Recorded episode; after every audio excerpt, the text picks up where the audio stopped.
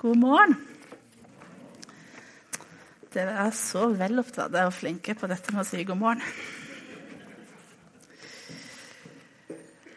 Eh, så kjekt eh, å være her og få se dere igjen etter, eh, etter jul og, og, juleferie og nyttår og nyttårferie. Jeg har hatt to ukers sammenhengende ferie.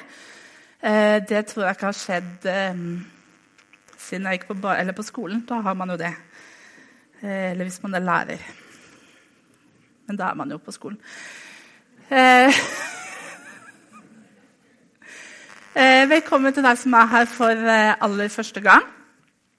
For deg som er her kanskje for siste gang. Nei, eller du som pleier å være her hver søndag. Når jeg var hjemme på juleferie, så um, var jeg på um, Selvfølgelig på juletrefesten på bedehuset andre juledag sammen med alle andre som bor på Runde. Um, og da oppdaget jeg at uh, noen av de som bor på Runde, de hører mine taler på podkast. Så jeg tenker uh, hvis du sitter på Runde nå, velkommen. og så koselig. Nesten som en fanklubb. Um, det har vært jul og det har vært nyttår, og jeg håper at alle sammen har hatt en fin ferie. Eh, og så tenker jeg at eh, så mange som vi er her i dag, så, um, så, har sikkert ikke alle hatt en fin ferie og en fin jul, for vi er for mange til det. Eh, og jeg skulle ønske at alle som var her, hadde um, hatt en ferie der de hadde henta inn masse overskudd og var klar for 2018. Eh, og den hverdagen som hadde begynt igjen, så tenker jeg at det er ikke eh, sånn livet er. Noen eh, i begynnelsen av året er på en måte fulle av overskudd og har nyttårsforsetter. og Forrige søndag så hadde vi en håndsopprekning på det her og fant ut at tre stykker i vår menighet har nyttårsforsett. Um, så jeg tenker at de tre de tre med overskudd. Eh, og så er det noen som på en måte bare oppdaget at, eh, at nå var det januar. Gitt. Eh, jeg har hatt en Jeg vil ikke si dårlig jul, men jeg har på en måte hatt en spesiell jul. og en spesiell høst. og en veldig mye bedre romjul og nyttår på en måte enn en jul. Det må det være lov å si. Eh, som veldig mange her vet, så har jo min høst vært veldig prega av eh, at jeg har vært mye sykemeldt og syk eh, og dårlig. Og eh, jeg har så mange ganger i høst tenkt at nå kan det umulig bli verre. Og så kan det overraskende nok det. Veldig mange ganger kan det gå mye verre enn det du tror. Så når desember kom, og jeg tenkte at nå kan det umulig, umulig bli verre, så kan det det. Og jeg som skulle hjem og feire jul hjemme hos mamma og pappa, fikk eh, vite sammen med min bror og sammen som familie for første gang på veldig, veldig mange år. Eh, så får vi vite at mamma er på sykehuset, eh, og at de ikke vet hva som feiler henne. At vi ikke vet om hun kommer hjem til jul. Og, og det er jo på en måte aldri kjekt å få høre. og så var det en sånn veldig forventning om at da, Linda, må du fikse julen. Eh, og ordne alt som skal ordnes. Og det var bare en liten sånn bagatell der at jeg hadde akkurat begynt på noen tabletter som gjorde at jeg var utrolig kvalm. Og syntes at de aller fleste dagene så var det mer enn tøft nok å på en måte stå opp og ta den tabletten og gå og legge seg igjen og drikke appelsinjuice hele den dagen. På under et teppe på sofaen. Og da er man ikke på en måte klar for å fikse julen. Um, men jeg dro hjem. Um, og vaskte hus og handla julegaver og handla julemat og lagde julemat. Og på julaften så var jeg så sliten at eh, jeg sto på kjøkkenet og holdt fast i kjøkkenskapet og grein og lagde julemat. Men så eh, Og poenget her er ikke at jeg skal ha noe sånn sympatipoeng. Men så blir det jo jul. Man setter seg ned, maten er klar, liksom, familiene sammen, og så og så roer det seg litt, og så slipper man litt taket på alt det man strever med. Jeg gjorde iallfall det. Um, og så sakte, men sikkert så um, Så blir det litt bedre. Uh, og så er det familie, og så er det koselig. Og så er det på en måte fint vær. Eller det var det egentlig ikke storm og sånn, men um, Men av og til så på en måte slutta det å blåse, så måtte man springe ut. Um, og så har jeg, når jeg skal fortelle om ferien min nå, hatt en kjempefin ferie. Uh, den bare begynte litt turbulent. og veldig fin. Jeg tenker at jeg har hatt en fin juleferie. Um, så det har jeg. Og så tenker jeg at sånn er det for, altså Dette er det livet som vi på en måte lever, og sånn er det. At eh, eh, noen av oss som er her i dag, har hatt en mye verre jul enn meg. Altså Mine problemer er på en måte ikke veldig store i, det, eh, i på en, måte en stor eh, skala. Eh, noen har heldigvis hatt en veldig mye bedre jul enn meg. Eh, og har på en måte den optimismen og pågangsmotet. Eh, og noen har på en måte hatt det sånn passe. Og så er vi her. Eh, og så er vi litt usikre kanskje på om vi er klar for, eh, for 2018, men nå har vi begynt. Eh, og så, i møte med det nye året, tenker jeg, så er det ikke tilfeldig hva vi tar med oss som en slags referanseramme, eller på en måte hva vi velger å leve livet vårt i lys av. Og av en eller annen grunn så har vi denne uka på kontoret snakket mye eller en del om en film som heter 'Inception'. Um, som jeg har sett, og sikkert noen av dere har sett. og Hvis ikke skal dere få en, en slags sånn innføring. Det handler om en mann som etter hvert får problemer med å skille drøm fra virkelighet. Fordi at i drømme så drømmer han at han er våken. Eh, og så drømmer han at han drømmer at han drømmer at han er våken. Og så drømmer han at han drømmer at han drømmer at han er våken. Eh, og i alle disse lagene med drøm som gjør at det blir vanskelig å vite måte, hva som er sant og ekte, og hva som måte, bare er en drøm og fiksjon, så trenger han et hjelpemiddel når han skal ta avgjørelser for å komme seg ut av det her. Og da har han en snurrebass. Og så setter han den snurrebassen i gang, og så ser han på det. Og så ser han at hvis den snurrebassen sakte, men sikkert mister farten og stopper, så vet han at dette er sant. For hvis han drømmer, så hadde snurrebassen bare fortsatt å gå og gå og gå. og gå. Eh, for det kan den i en drøm, men ikke i virkeligheten. Og så når jeg skulle velge en tekst og begynne dette nye året med, så tenker jeg at dette er en sånn tekst som kan være som en sånn snurrebass for oss, som vi kan bruke til i møte med hverdagen, i møte med det nye året, i møte med det som er livet vårt, uansett om det er sånn vi ønsker, eller sånn som vi absolutt ikke ønsker det, um, så kan vi gå til Bibelen og finne denne teksten som Per Henning leste for oss, om den bortkomne sønnen. Eller sønnen som kommer hjem. Uh, og så er det en tekst som kan lære oss noe om oss som mennesker og hvordan vi forholder oss til Gud, og hvordan Gud forholder seg til oss.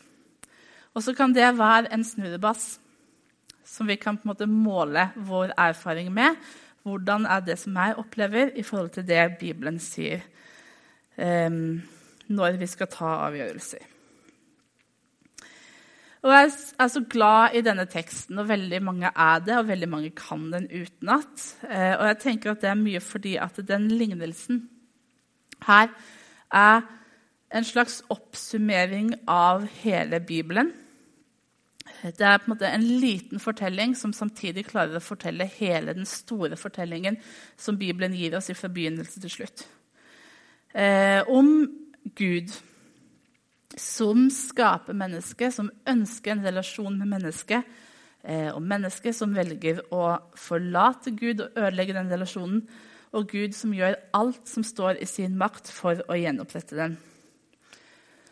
Så er det denne sønnen som har alt. Han er hjemme, og så velger han å forlate det, dra ut i verden, oppdager at verden ikke på en måte er Eller ikke gir han det som han eh, tror han vil ha, eller det som han vil ha. Eh, og om veien tilbake. Og om festen og gleden som kommer når sønnen er tilbake. Og i dag så skal jeg snakke mest om sønnene. Og neste søndag så skal jeg snakke om faren. Fordi historien om den bortkomne sønnen er samtidig historien om den hjemmeværende sønnen. Det er to brødre i denne fortellingen. Og vi har veldig ofte lett for å glemme den ene. Og spørsmålet er Hvis du nå skal velge deg en sønn som på en måte representerer deg, hvem av dem er det? Hvem i denne historien er du? Og det er ikke sikkert eh, at det er et svar som er hogga i stein, eh, og for evig og alltid måte, så er man den ene og ikke den andre. Jeg tror at um, gjennom livet og i ulike sesonger så kan vi kjenne på, på ulike sider i oss sjøl som gjør at vi på en måte kjenner oss mer igjen med den ene eller den andre. Noen perioder tenker jeg så er vi som den bortkomne sønnen som kommer hjem til faren og får festen og gleden. Og i andre perioder så er vi som den sønnen som alltid har vært der. Og så vil jeg først si at eh, For oss som sitter her i dag, og som er kristne, så har vi jo på et eller annet tidspunkt i livet opplevd å være den bortkomne sønnen som på en måte har fått komme hjem og møte Gud. Fordi at det er den store fortellingen om Gud som frelser, og på en måte har blitt en del av vår fortelling. Men så tror jeg òg at den bortkomne sønnen kan tjene som en slags beskrivelse på, på, hvordan det er å leve i en relasjon med Gud. Den som på en måte begynner når vi kommer til Han, og som skal vare livet ut. Og da tenker jeg at I perioder av livet, selv som kristne, så kan vi kjenne på at det er fint å være den sønnen som er på vei vekk ifra Gud. Hvis vi skal være helt ærlige så kan det noen ganger Jeg husker første gangen jeg fikk lov til å være på hyttetur alene uten mamma og pappa. Jeg var 13 år. Eh, og hvis jeg syntes det hørtes uansvarlig ut, så var det fordi at mamma og pappa var i den hytta som var 30 meter unna. Eh, men det å kunne måte, stå opp om morgenen, og jeg hadde med meg en venninne, eh, og smøre brødskiver og helt selv bestemme om vi på en måte skulle ha appelsinjuice eller melk til frokosten. og på en måte når man ville gå ut. Det var helt fantastisk, helt magisk. Um, og fordi at det tenker jeg er på en måte naturlig med alle barn i relasjon med foreldrene sine, at man skal bli selvstendig. Eh, og det på en måte å kjenne at den prosessen er god, det tror jeg noen ganger vi gjør også i møte, eller på en måte i vår relasjon med Gud. At... Eh, det å være herre i eget liv, det å være på hyttetur alene, kan være litt fint. Og det er det jo òg for denne sønnen. Når han først får sin del av arven og den, selger den og drar av gårde til dette landet langt borte, um, og bruker penger og lever i sus og dus og får alle disse vennene som kommer til han og hjelper han å bruke av de pengene, Eh, så tenker jeg at han har det helt fint, og det er ikke da han savner far. Og det kan være så mange grunner til at Gud får mindre plass i livet vårt. Jeg tenker at Noen ganger er det fordi at vi velger det. At vi på en måte egentlig tenker at eh, hvis vi hadde spurt Gud nå, så hadde han sagt noe annet. Men at dette syns jeg er så god idé at jeg gjør det likevel. Eh, eller så tenker jeg at det bare skjer Altså Hverdagen og, og, alt vi på en måte fyller dagene med, er så travel og så full av ting. Sånn at, eh, at plutselig så, så, har vi kommet et stykke av gårde. Og det har på en måte aldri vært et bevisst brudd, det har på en måte aldri vært eh, et valg. Det har bare blitt sånn, men det kjennes fremdeles helt fint. Og andre ganger så er på en måte livet kanskje så vondt og så vanskelig at vi på en måte ikke orker å forholde oss til tanken på at, eh, at Gud eh, skal ha noen plass. Fordi at det er nesten litt eh, vanskelig å forholde seg til en Gud som liksom er god og liksom er kjærlighet, når livet er sånn som det er. Um, så jeg tenker at det er samme egentlig hva som gjør at man ender opp der. Og det å på en måte være på hyttetur kan være et eventyr, det kan være spennende, og det kan være litt skummelt når man skal på utedo, f.eks. Men uansett så tror jeg at på et tidspunkt så kjenner vi på et savn fordi at Gud har skapt oss til å leve i fellesskap med Han. Og når vi ikke gjør det, når det ikke er på plass, så kjenner vi den lengselen igjen. Og det er det den lignelsen òg forteller om den ensomheten og håpløsheten som den sønnen opplever når han på en måte treffer bunnen. Når ting virkelig ikke kunne ha blitt verre. Når det ikke er penger igjen, når vennene er borte, når han ikke har noe annen mulighet enn å tigge seg til en plass med å passe noen griser og håpe at han måte kan få røske til seg noen av disse her belgfruktene før grisene tar dem. For det er ingen som gir han noe. Og det tror jeg vi òg har opplevd, i alle fall de som har levd bitte litt lenger enn de aller yngste her i dag, at noen ganger så er livet veldig, veldig vanskelig og tøft. Eh, og vi har på en måte kommet på bunnen, og det kan ikke bli verre. Eller det føles iallfall sånn. Og noen ganger så føles det sånn, og så kan det likevel bli verre. Men det eh, er på en måte en del av pakken ved å være menneske. At vi opplever sykdom og sorg og smerte. Eh, at vi mister jobben, at vi har relasjoner som er vanskelige. At eh, noen ganger så er livet for tøft til å håndtere. Um, og Sigvart Dagsland har en veldig fin sang som heter 'Klagesang'. Um, der han på en måte klager. Eller en klagesang han skriver ut sin klage og sin nød. Og så sier han i den sangen at tidevannet ber ikke om lov, det snur. Um, og det er livet. Ber ikke om lov, det snur. Men jeg kan ikke ha det sånn. Ingen skulle hatt det sånn. Jeg som alltid har gått med heva blikk, nå må jeg klamre meg til bånd.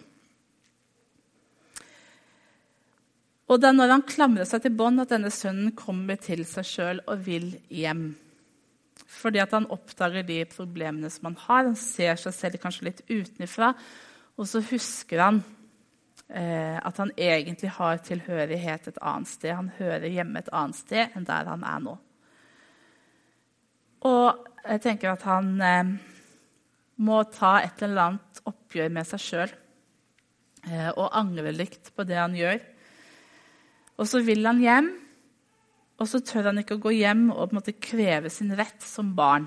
Men han lager en sånn fortelling om at eh, hjemme hos far så har eh, leiekarene, de som jobber der, har det bedre enn det jeg har det nå.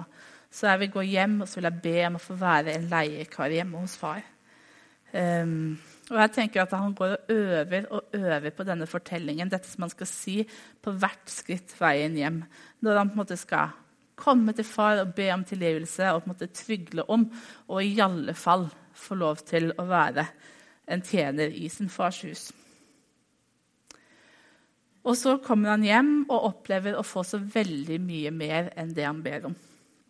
Eh, medfølelse og nåde en ny start. Alt det som hadde forsvunnet på veien, det får han tilbake.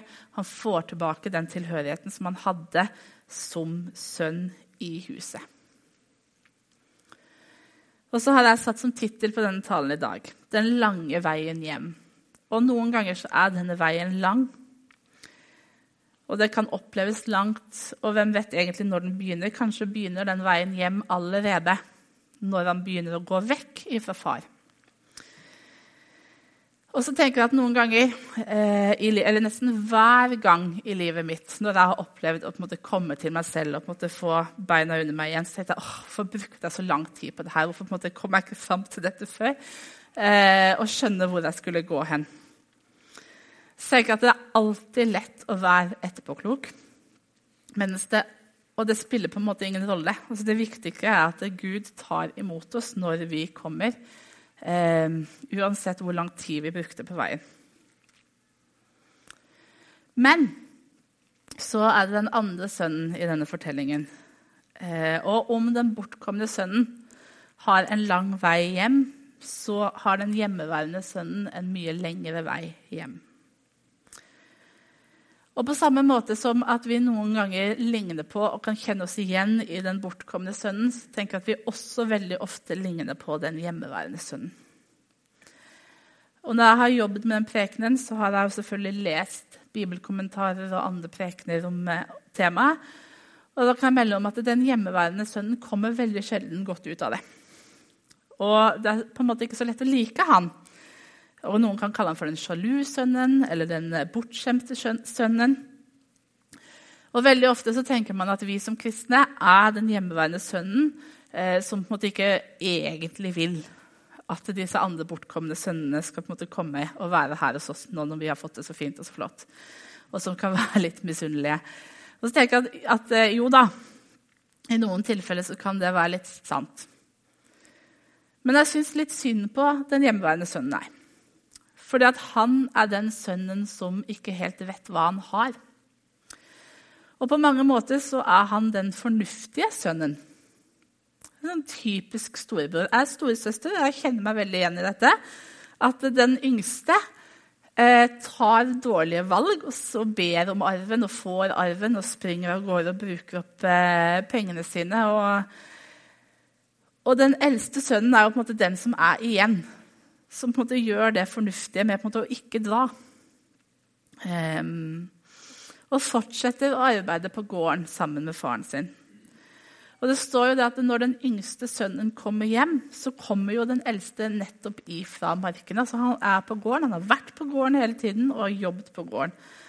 Han er den som aldri drar, han er den som er hjemme hos far hele tiden.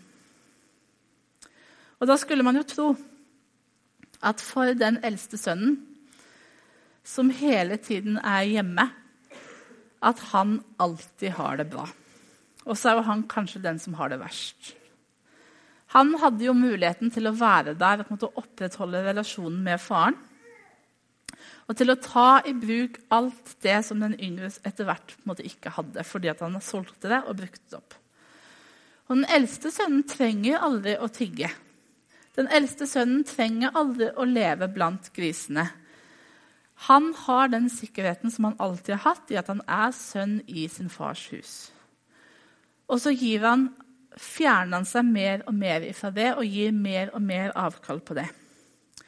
Og når den yngste sønnen finner seg igjen helt, helt på bånn, klamrer seg fast i båndet deg, og ikke er noe mer enn en slave, og begynner på sin vei tilbake til far og tilbake til gården der han har tilhørigheten og røttene sine, og får tilbake sin sønnestatus, så har den eldste på mange måter begynt å gi slipp på sin status som sønn og begynt å leve som en slave. For han er ute på markene. Han er ikke i relasjon og samtaler på måte, sammen med faren sin. Han er, på, han er på gården, men han er ikke sammen med faren. Eh, når han kommer tilbake til gården, når festen til broren er begynt, så er det ikke faren han tar kontakt med. Det er faktisk ikke der han tenker, den han tenker det er mest naturlig å snakke med, han tar kontakt med en av de andre tjenerne eh, og spør hva er det som skjer.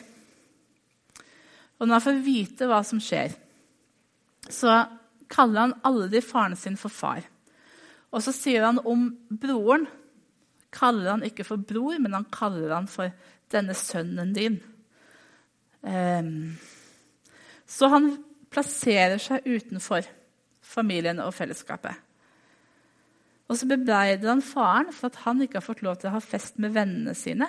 Eh, ikke med familien, men at han ikke har fått lov til å bruke det som er familien sitt, for å være med vennene. Og som om ikke det er nok, så nekter han å komme inn på den festen som faren har invitert han inn på, som er til ære for sønnen som har kommet tilbake. Og kritisere faren åpent. På en fest der hele landsbyen er til stede. Så den sønnen som hele tiden har vært hjemme, og som hele tiden har hatt muligheten til måte, å opprettholde og måte, få en bedre relasjon til sin far, har valgt å fjerne seg. Han har valgt å måte, oppføre seg som en tjener og en slave i sitt fars hus istedenfor en sønn, sånn som han egentlig er. Og så tror jeg at Noen ganger så lever vi òg som kristne som den hjemmeværende sønnen. Vi er her, på en måte. Og er de fornuftige storesøsknene som gjør det som vi må, oppfylle vår plikt, og vi kommer i kirka, og vi er så fine og så flinke. Og, um, så oppfører vi oss mye mindre, altså mindre og mindre og mindre som barn. Og så blir vi mer og mer tjenere i vår fars hus. Og da tror jeg at veien hjem er mye lenger. For det er mye vanskeligere å komme til seg selv når måte, alt egentlig fungerer greit, men vi måte, kjenner ikke på nærheten, enn hvis man helt åpenbart har behov for hjelp. Eller så kan vi til og med føle på en slags sånn nesten noe du opplever som en rettmessig harme, sånn som den sønnen. Som å bebreide far. Ikke sant? At liksom, ja, men 'Jeg har vært her hele veien, og hvorfor ikke er det bedre enn det jeg har det?' da? Um, og så er faren sitt svar. 'Mitt barn, du er alltid hos meg, og alt mitt er ditt.' Så det er jo noe med at man på en måte har frivillig valgt å ikke bruke det man egentlig allerede har fått. Og så har man egentlig ikke mista noe, men man på en måte har glemt å leve i det. Og Teksten sier ingenting om hva som skjer med den hjemmeværende sønnen. Eh, det står ikke om han går inn på festen, men jeg håper han gjør det. Jeg håper at han òg finner veien hjem. Men det får vi ikke vite noen ting om. Og til en avslutning så spurte jeg jo Hvem er du? Hvem er jeg i møte med den teksten? Er jeg den bortkomne eller den hjemmeværende? Og uansett så er det far som inviterer hjem. Er, og skal, Neste søndag skal vi snakke mye mer om faren. Men man kan på en måte ikke gå fra teksten uten å si bare noe. Og det at det er faren som løper den bortkomne sønnen i møte når han kommer hjem som har begynt å løpe nesten allerede før sønnen har kommet eh, i syne. Som tar imot han med medfølelse, som tar imot han og gir han en ny sjanse og en ny mulighet. Og det er faren som går ut til den trassige, hjemmeværende sønnen og ber han om å være så snill og komme inn på festen. Um, så uansett måte, hva vi tenker er vårt utgangspunkt nå, så har vi en far som ønsker å invitere oss inn til den festen og til den gleden og til den tilhørigheten som vi kan få lov til å ha som far sine barn. Så det er på en måte oppfordringen. at Uansett om vi er borte eller hjemme, så um, er vi invitert inn. Og så blir det opp til oss om vi tar imot den uh, invitasjonen. Skal vi be sammen? Kjære Jesus, jeg har lyst til å takke deg for at eh, du eh, har gjort det mulig for oss å bli invitert tilbake til fellesskap med Gud, vår far.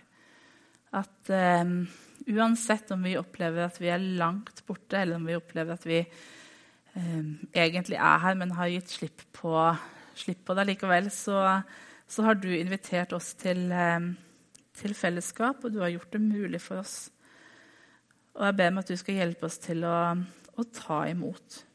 Til å velge å svare ja når du inviterer oss, Herre. Jeg ber om at du skal komme og være her nå. Du skal gi oss et uh, møte med deg som er noe å leve på uh, i møte med hverdagen, sånn som, uh, som den er. Enten den er helt super eller helt pyton eller et eller annet midt imellom. Amen.